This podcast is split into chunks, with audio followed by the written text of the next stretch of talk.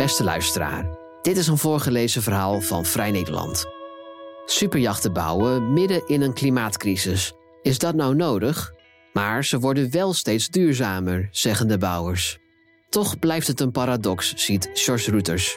Is geen superjachten bouwen niet het allerduurzaamst? Hoofdredacteur Wart Wijndels leest voor.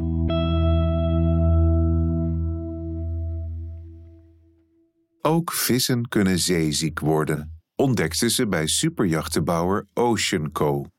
Ze hadden de primeur om een aquarium in een superjacht te plaatsen.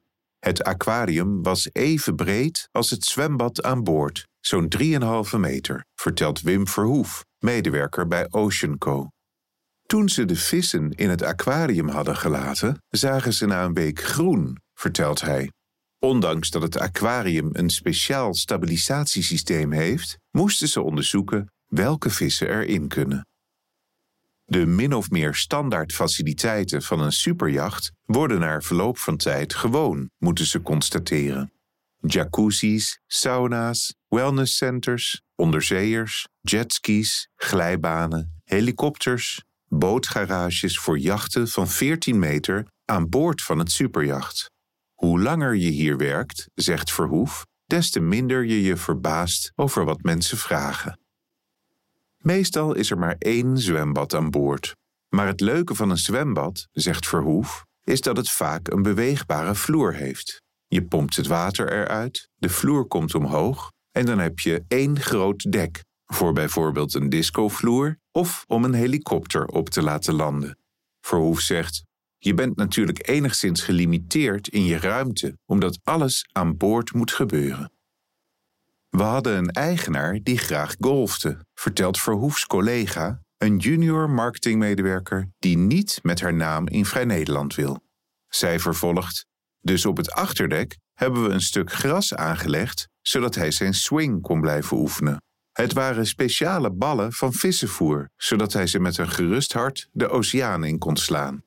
Verhoef vult aan: Het gaat gewoon om zo hard mogelijk slaan. En het is mooier om dat van het achterdek van je jacht te doen. Er zijn steeds meer mensen die zich een superjacht kunnen veroorloven.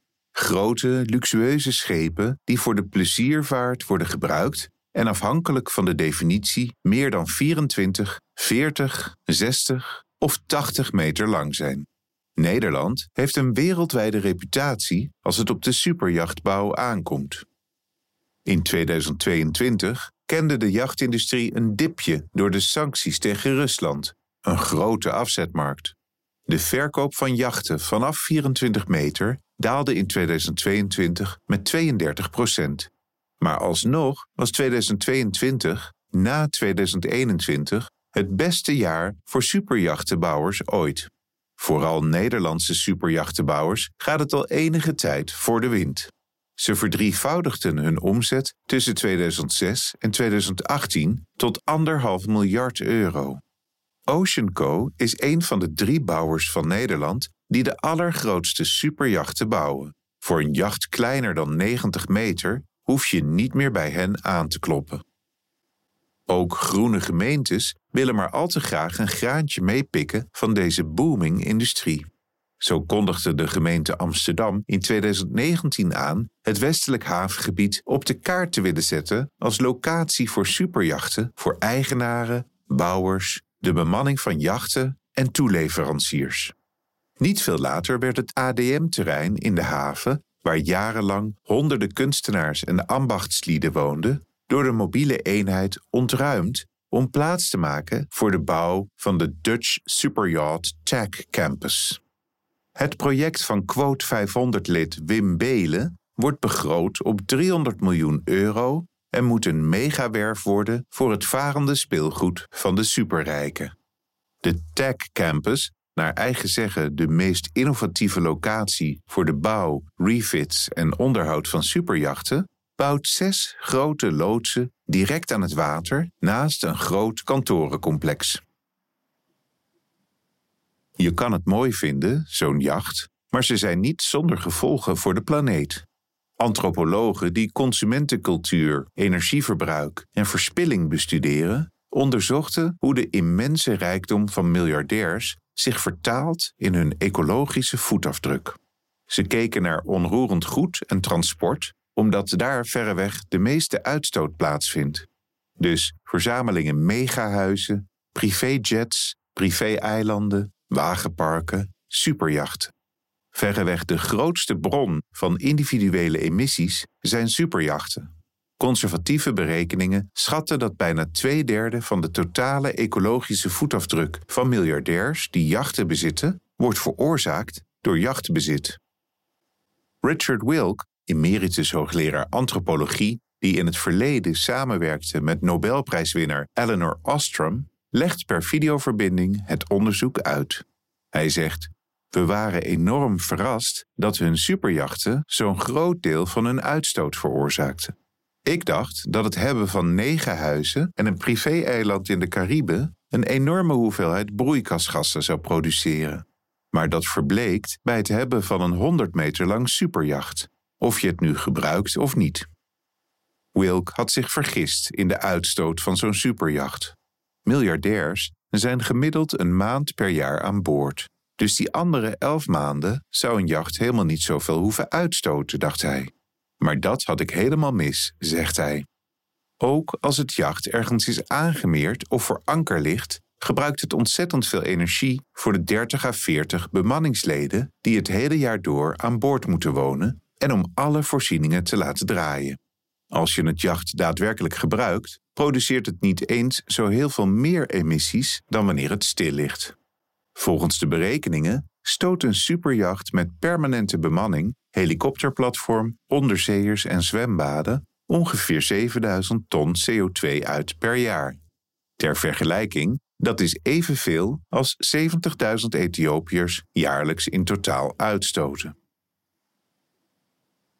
Superjachtenbouwers weten dat ze bijdragen aan klimaatverandering. Hoe gaan ze daarmee om?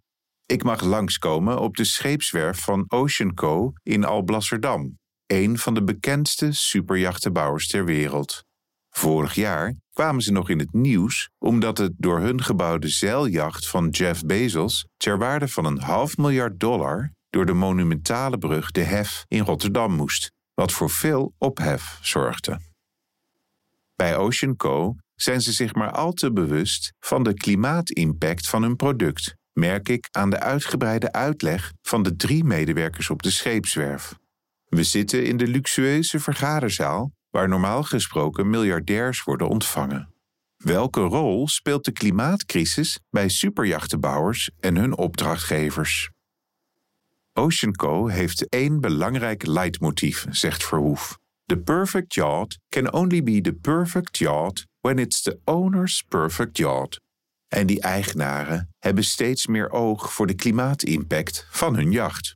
Verhoef zegt: klanten liggen onder een vergrootglas, dus ze zijn steeds meer geïnteresseerd. Hij pauzeert, denkt na, begint een nieuwe zin.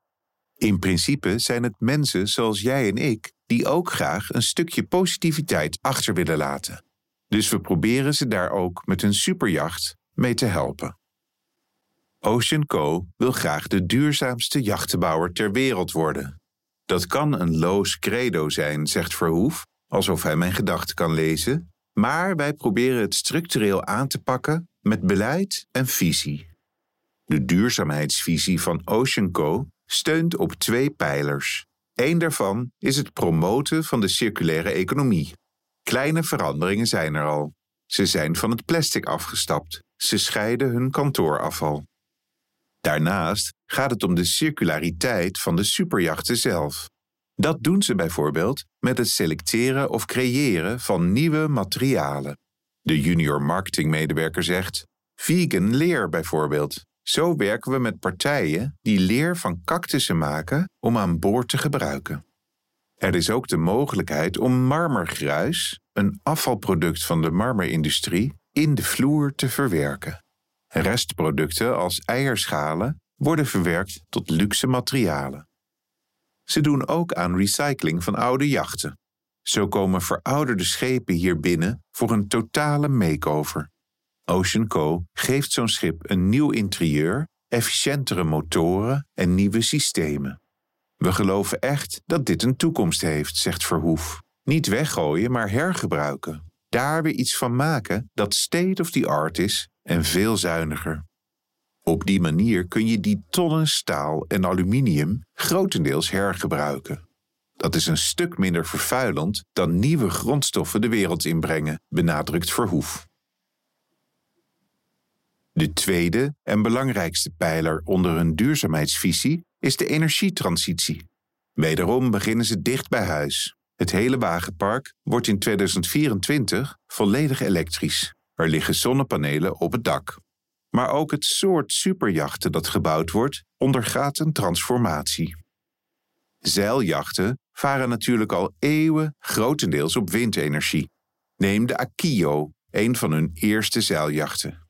Een onwijs avontuurlijk jacht, zegt Verhoef. Ze zijn voor de derde keer bezig met rond de wereld zeilen. Omdat het een zeiljacht is, is het al veel duurzamer.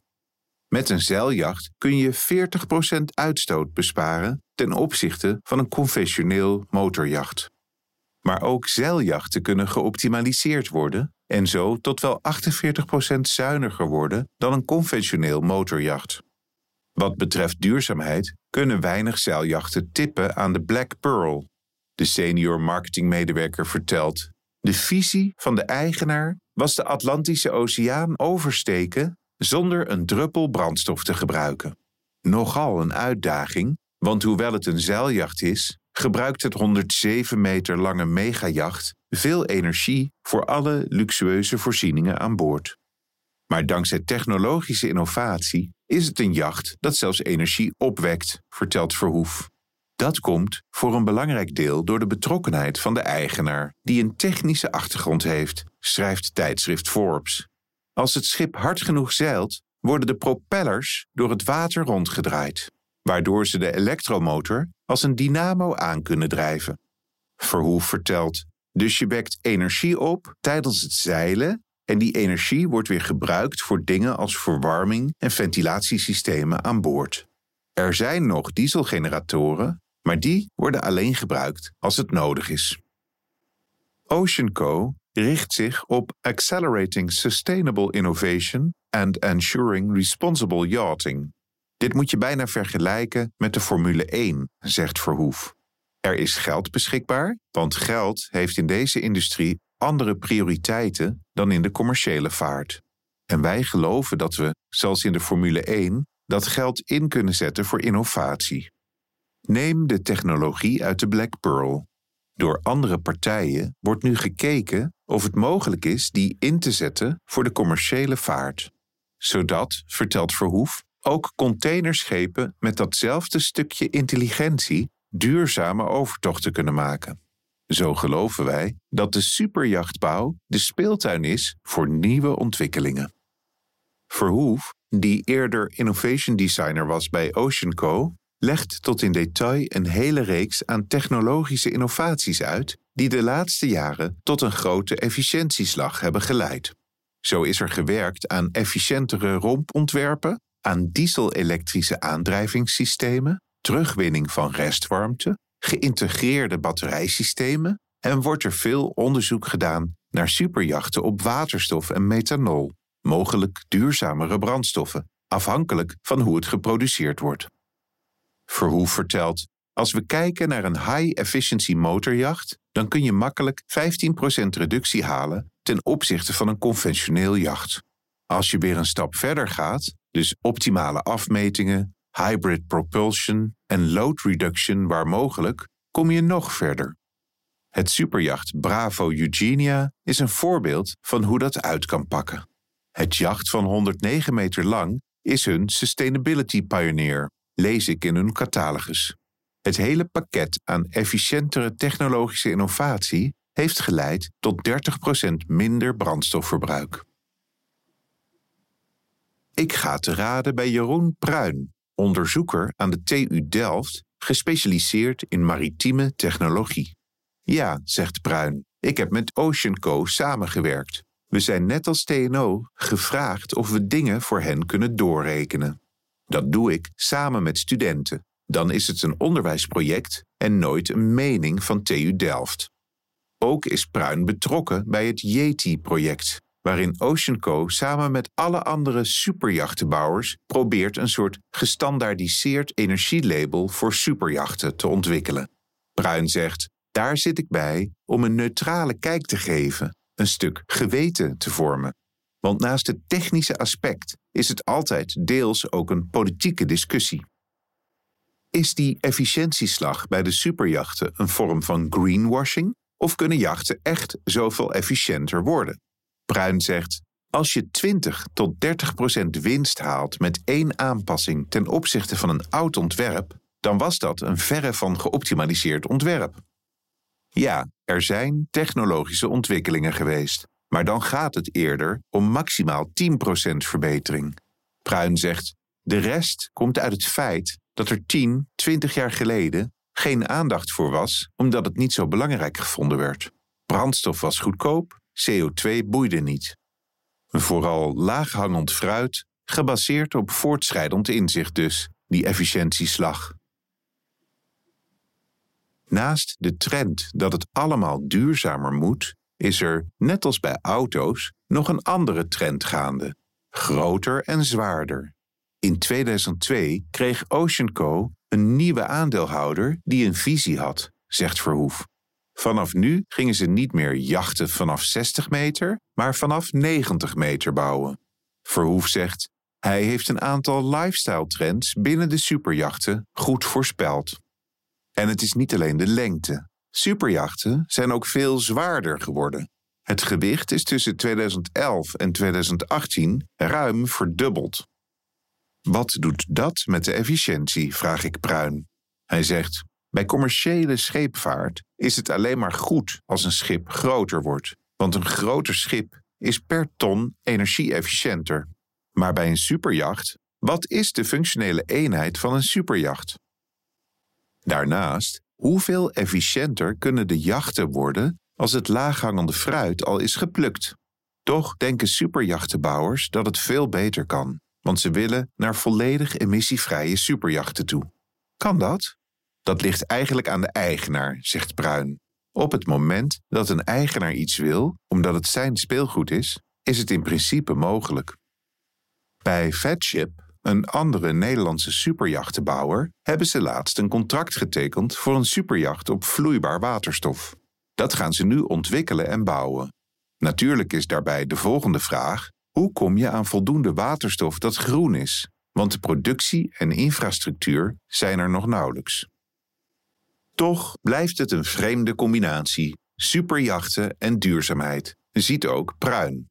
Aan de ene kant, de eerste met wie Pruin over duurzaamheid in de scheepvaart kon praten, waren de superjachtbouwers. Maar de ironie ontgaat hem zeker niet. Hij zegt: Uiteindelijk is het duurzaamste superjacht het superjacht dat niet wordt gebouwd. Maar om van groene ideeën naar daadwerkelijke veranderingen in de maritieme sector te gaan, heb je toepassingen nodig waar het een keer geprobeerd wordt. Die zou je kunnen betalen met gemeenschapsgeld, maar die kun je ook laten betalen door een sheik die dat in zijn jacht wil hebben. Waarom zouden we er dan gemeenschapsgeld voor gebruiken? Pruin maakt eenzelfde vergelijking als Verhoef. Hij zegt: de superjachtbouw is een soort duurzame Formule 1. Het loopt voorop ten opzichte van de reguliere scheepsbouw, terwijl ze iets produceren wat geen economische functie heeft. Ze maken speelgoed. Maar doordat ze dit soort dingen doen, plaveien ze de weg voor de commerciële scheepvaart. Voor iedereen die ik spreek voelt het wat vreemd, al die aandacht voor hoe duurzaam ze superjachten kunnen maken. Natuurlijk is het een grote paradox, superjachten en duurzaamheid, zegt Verhoef. Nee, ze zijn niet nodig. Dus ja, ze zijn altijd vervuilender dan het hoeft te zijn. Anderzijds is het wel heel makkelijk om te zeggen: het is niet nodig. Er zijn zoveel dingen die absoluut niet nodig zijn. Ik ga graag op vakantie. Ook dat is absoluut niet nodig. Een superjacht is een luxe product op een andere schaal. En er is een markt voor. Het is bijna een oneerlijke benadering, concluderen de medewerkers van OceanCo. Je zou je bij heel veel luxe producten kunnen afvragen: is dit nou nodig, midden in een klimaatcrisis? Wat denk je van cruiseschepen? zegt de senior marketingmedewerker. Verhoef zegt: In de maritieme industrie zijn wij in verhouding maar zo'n klein stukje. Hij houdt zijn duim en wijsvinger een centimeter van elkaar vandaan om aan te geven hoe weinig ze eigenlijk bijdragen. Hij zegt: Is het nodig? Nee, absoluut niet. Zijn er meer dingen niet nodig? Inderdaad, cruiseschepen, etc. Gaat het nou het grote verschil maken qua milieu als we stoppen met superjachten? Dat geloof ik niet. Ik geloof dat wij juist een verschil kunnen maken. We creëren banen en kunnen ook een voortrekkersrol spelen voor de hele maritieme industrie. Al merken ze het toenemende klimaatbewustzijn ook in het recruteringsproces bij Ocean Co, vertellen de junior marketingmedewerker en Verhoef. Er zijn steeds meer mensen die zich afvragen of ze wel bij een bedrijf willen werken dat superjachten als eindproduct heeft. Het blijft lastig om te verdedigen, zegt Verhoef. Ocean Co is eigendom van Mohammed Al-Barwani. Hij kocht de superjachtenbouwer in 2010 en sindsdien, zegt Verhoef, kennen we hem eigenlijk niet anders dan met een grote glimlach op zijn gezicht. Hij heeft zijn geld elders verdiend en in Ocean Co geïnvesteerd. Noem het een bedrijf als luxe speelgoed. Verhoef liet in het midden waar Al-Barwani fortuin mee heeft gemaakt, maar het is makkelijk te achterhalen. Al-Barwani is een Omaanse miljardair die zijn vermogen van 1,2 miljard dollar heeft verdiend in de olie- en gasindustrie. In 2020 is hij voorzitter geworden van vliegtuigmaatschappij Oman Air. Een oliemiljardair die de duurzaamste superjachtenbouwer ter wereld wil worden. Fascinerend. En hoe zit het met de klanten van Ocean Co? De medewerkers van Ocean Co mogen niks over hun opdrachtgevers zeggen. Maar een simpele internetzoektocht maakt al snel duidelijk wie de eigenaren van de superjachten zijn. Zeiljacht Akio, dat nu voor de derde keer rond de wereld aan het zeilen is, is van de Noorse miljardair Kjell Inge Rukke met een vermogen van 5 miljard dollar. Zijn vermogen heeft hij grotendeels verdiend in de industriële visserij en de olie- en gasindustrie. De eigenaar van de Black Pearl, het zeiljacht dat dankzij de vooruitstrevende technologische innovatie zonder een druppel brandstof de Atlantische Oceaan over wilde steken, was van de inmiddels overleden Russische oligarch Oleg Burlakov. Hij vergaarde zijn fortuin met terpentine- en vernisfabrieken en in de olie- en gasindustrie. Het gerecyclede jacht Limitless is van de Amerikaanse miljardair Les Wexner. Hij verdiende zijn fortuin van 6 miljard dollar in de fast fashion industrie. Een van zijn merken is Abercrombie Fitch, dat door International Labor Rights Forum in de Sweatshop Hall of Fame werd geplaatst vanwege de erbarmelijke omstandigheden en exploitatie waaronder de kleding wordt vervaardigd. Ook is hij eigenaar van Victoria's Secret, het lingeriemerk dat bekend staat als groot bijdrager aan misogynie en objectificatie van vrouwen. De beruchte zedendelinquent Jeffrey Epstein was financieel manager van Wexner. Het high-efficiency jacht Bravo Eugenia is van Jerry Jones, de in Dallas, Texas woonachtige miljardair die zijn fortuin van 13,3 miljard dollar maakte in de olie- en gasindustrie voordat hij de Dallas Cowboys opkocht, inmiddels het kostbaarste American voetbalteam van de Verenigde Staten. De emissies van de miljardaire lifestyle zijn duizenden keren groter dan die van de gemiddelde mens, wat op zichzelf al zeer destructief is. Maar als je kijkt naar het effect van hun bedrijven en investeringen, kom je uit op een CO2-uitstoot die ruim een miljoen keer hoger ligt dan die van de gemiddelde mens, laat een recent rapport van Oxfam zien. Hiervoor werd gekeken naar de investeringen van 125 van de rijkste miljardairs op aarde. Het rapport constateert: ze hebben grote belangen in veel van de grootste en machtigste bedrijven ter wereld, groot genoeg om de acties die door deze bedrijven worden genomen te beïnvloeden. De zeiljachten van de superrijken kunnen dan wel deels zelfvoorzienend in energie zijn als ze een transatlantische oversteek maken, maar als die groene consumptie is bekostigd door het oppompen van grote hoeveelheden olie en gas of met andere destructieve praktijken, hoeveel is die groene consumptie dan eigenlijk waard? De bouw van superjachten is een gigantische onderneming. Er worden grote industriële en economische middelen ingezet om dit zogenaamde speelgoed te produceren. En er werken, met alle partnerbedrijven bij elkaar, zo'n 2 tot 3000 mensen aan de superjachten bij een werf als Oceanco. Is dit echt de beste inzet van industriële en economische middelen en arbeidskrachten die we midden in een klimaatcrisis kunnen bedenken? Terwijl ik met de medewerkers van Oceanco over hun scheepswerf loop van 156 meter lang, 52 meter breed en zes verdiepingen hoog, zie ik opeens voor me hoe hier ook windmolens zouden kunnen worden gebouwd. Zo'n grote lange hal met directe toegang tot het water zou toch ideaal zijn voor een windmolenfabriek, verzin ik als leek. Ik neem contact op met Julie Thewen, onderzoeker aan de TU Delft, onder andere gespecialiseerd in de productie van windmolenbladen. Hoe geschikt is een scheepswerf van superjachten hiervoor?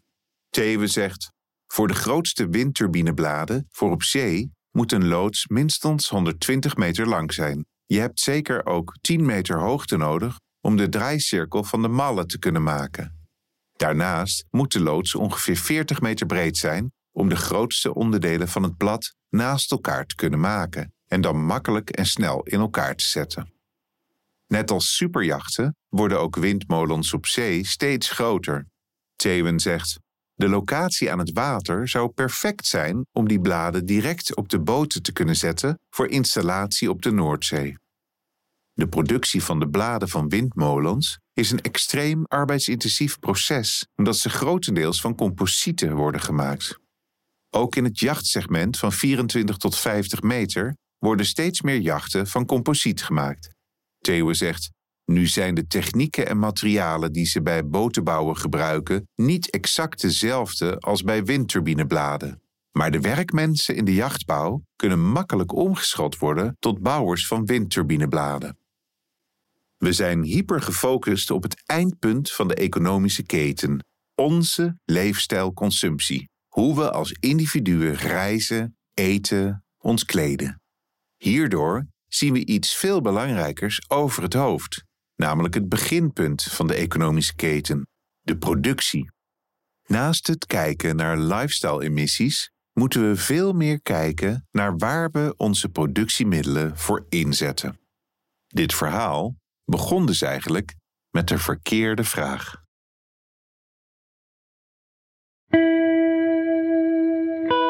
Wil je meer verhalen van ons lezen of beluisteren?